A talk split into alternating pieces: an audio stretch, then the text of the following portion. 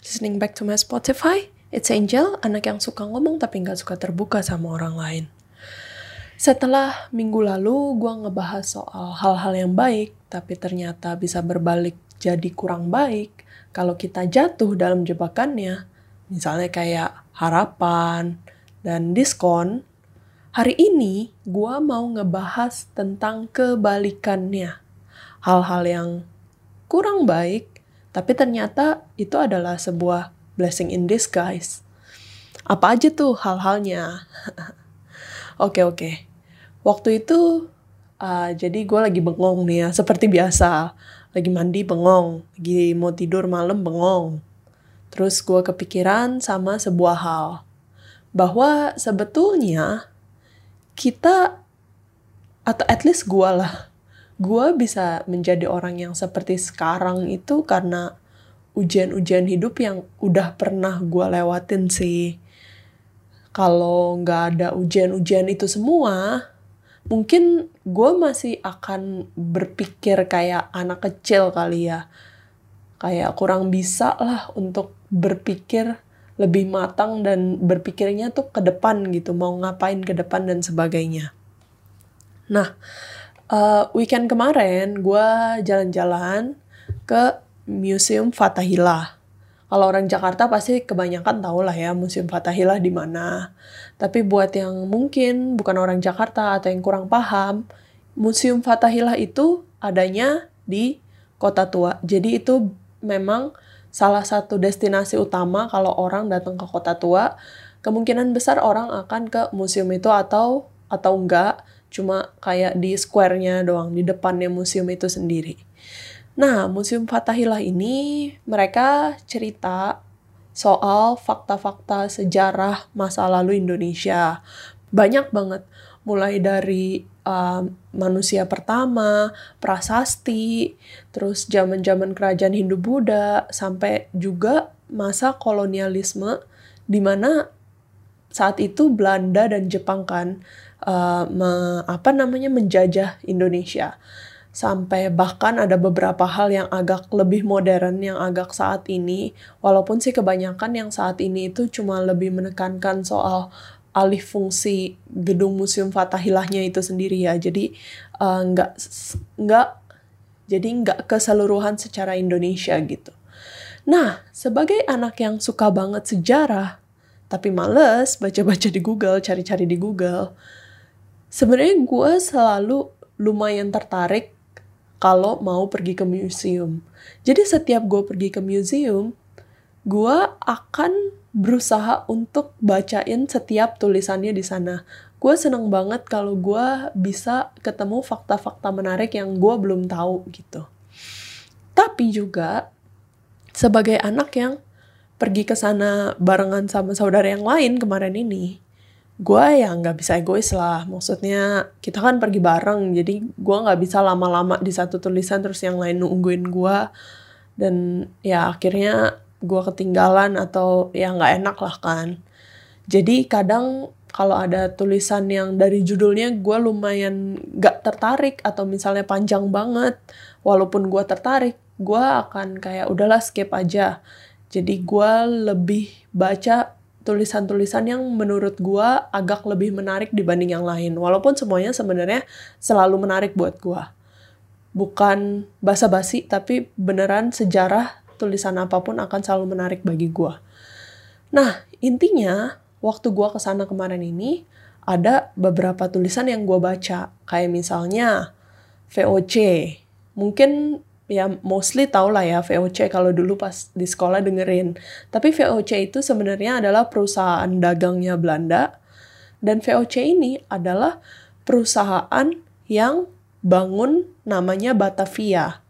Dan itu buat gue fakta yang cukup baru, cukup menarik karena selama ini gue taunya ada Batavia dulu, terus VOC datang ke Batavia, dia numpang bikin kantor pusat di situ. Tapi ternyata cukup menarik bahwa ternyata VOC itu yang bangun si Batavia. Terus ada lagi yang menarik adalah bahwa terjadinya pasar baru tuh, pasar baru yang di Jakarta Pusat itu dekat sekolah gua pas masih SMP SMA. itu terjadi karena sebuah kejadian masa lampau gitu. Jadi bukan kayak tiba-tiba orang mau bikin pasar baru, punya duit, punya modal, tapi karena ada suatu hal jadi terbentuklah si pasar baru ini. Jadi menurut gue lumayan menarik sih. Ada lagi beberapa hal lainnya, cuma um, ya ya mungkin next time aja ngobrol soal ini karena bisa panjang banget ya. Uh, ada orang-orang Indonesia yang akan cukup setuju sama gue bahwa penjajahan itu hal yang kurang menyenangkan. Gue bilang ada karena gue nggak akan mengeneralize semua orang karena bisa aja ada orang yang kontra terhadap gue dan gue nggak akan ngebahas lebih jauh ke sana. Tapi yang mau gue bahas adalah ternyata dari penjajahan itu kayak ada sebuah blessing in disguise gitu loh. Kayak tanpa dijajah Belanda nggak akan ada Jakarta, tanpa dijajah Belanda mungkin Indonesia nggak ada cuma kayak kumpulan-kumpulan berbagai kerajaan aja.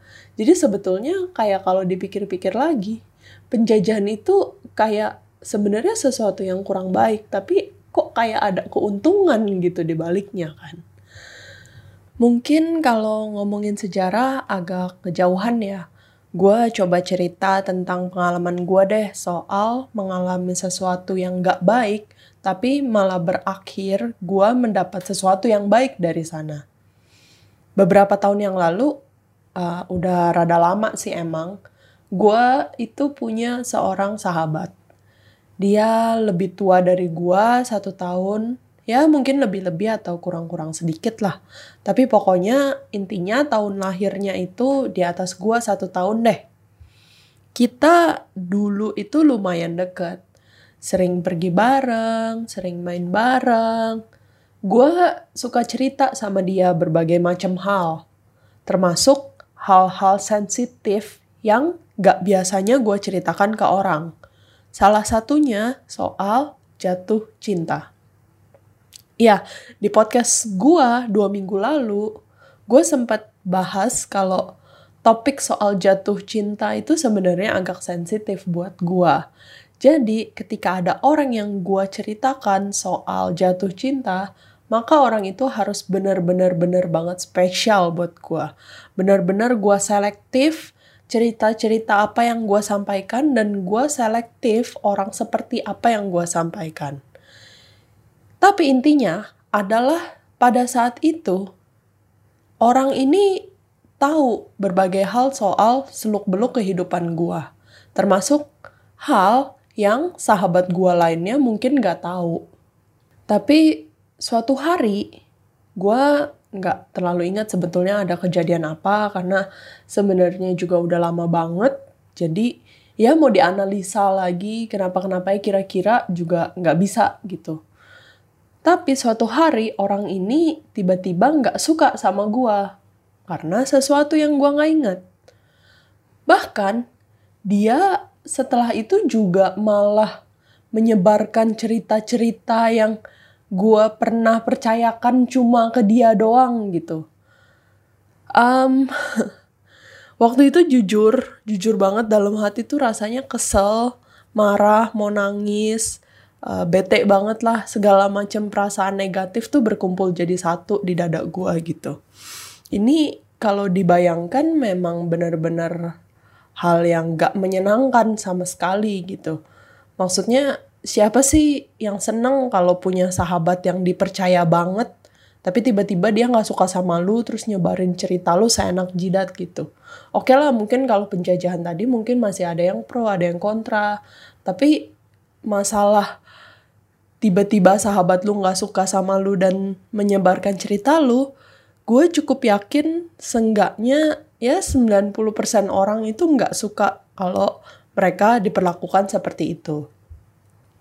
Tapi, tapi karena topik hari ini adalah blessing in disguise, uh, bad that good, dari situ gue malah yang harus merasa bersyukur. Kayak gue sekarang kalau ngeliat lagi di masa gue saat itu, gue merasa, oh ternyata gue pernah mengalami itu karena memang ada dampak yang baik sama gue sekarang. Dari situ, gue jadi belajar untuk lebih selektif banget sama temen. Jadi kalau dulu mungkin gue lebih ke selektif cerita ke siapa, selektif cerita yang gue sampaikan apa, gue jadi lebih belajar kalau itu aja tuh nggak cukup. Bahwa gue harus lebih selektif lagi dalam memilih-milih teman. Gue jadi lebih baca orang lain, terutama kalau baru pertama kali ketemu, kira-kira orangnya gimana, gue bisa temenan sama dia apa enggak, atau lebih baik gue sama dia temen biasa aja, agak jaga jarak sedikit daripada uh, nanti malah sahabatan terus terjadi lagi hal yang sama. Ya walaupun mungkin uh, penilaian gue bisa salah ya, tapi rasanya kayak lebih baik lebih baik hati-hati gitu loh. Ya jadi intinya lebih hati-hatilah untuk gua cerita sama orang. Mungkin kayak ada hal yang sebaiknya dikip sendiri aja atau ada hal-hal juga yang memang sebaiknya di-share ke orang lain. Mungkin itu sih alasannya. Hal sensitif kayak misalnya jatuh cinta atau urusan keluarga itu sekarang ini hal yang hampir nggak pernah gue ceritakan ke orang. Ya mungkin pernah gue ceritakan satu kali dua kali ke orang. Tapi itu karena udah proses seleksi yang panjang yang akhirnya ketika orang itu tahu soal kisah kisah-kisah sensitif gue mereka itu benar-benar orang yang spesial banget gitu buat gue karena gue pun dari cerita dari pengalaman gue gue belajar bahwa once it is spilled out ketika cerita itu udah keluar dari mulut gua, cerita itu bukan lagi jadi punya gua. Sepercaya-percayanya gua sama orang, siapa pun itu, satu dua orang pun yang gua sampaikan, cerita gua sekali udah keluar dari mulut gua dan didengar oleh orang, maka cerita gua akan bukan punya gua lagi. Sedangkan jadi punya publik gitu. Ya, ini cerita udah lama banget sih sebenarnya. Jadi sekarang gua udah nggak terlalu peduli juga kalau inget-inget lagi atau ketemu orangnya juga udah nggak marah dan nggak kesel lagi. Uh, tapi karena ini cukup teringat gitu ya, mungkin jadi lebih jaga jarak aja sih sama orangnya dan nggak mau deh banyak berurusan sama orang itu.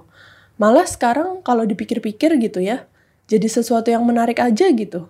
Kayak ada cerita gitu gitu di masa lalu. Jadi kayak, oh ada sesuatu yang bisa diceritakan. Yang di mana gue malah happy aja gitu buat ceritain momen itu. Daripada semua perasaan negatif yang dulu gue rasain dulu pas banget baru ngalamin hal itu. Um, gue cukup percaya sekarang sih kalau setiap hal yang baik ataupun yang buruk pasti ada sesuatu deh di baliknya yang udah disadari sebelumnya ataupun mungkin belum gitu. Mungkin uh, gua, at least gua lah, gua harus belajar untuk memperlebar view gua lagi kali ya, cara pandang, cara berpikir dan segala macam. Jadi daripada cuma lihat apa yang ada di depan mata, tapi juga benar-benar lihat apa yang ada di baliknya.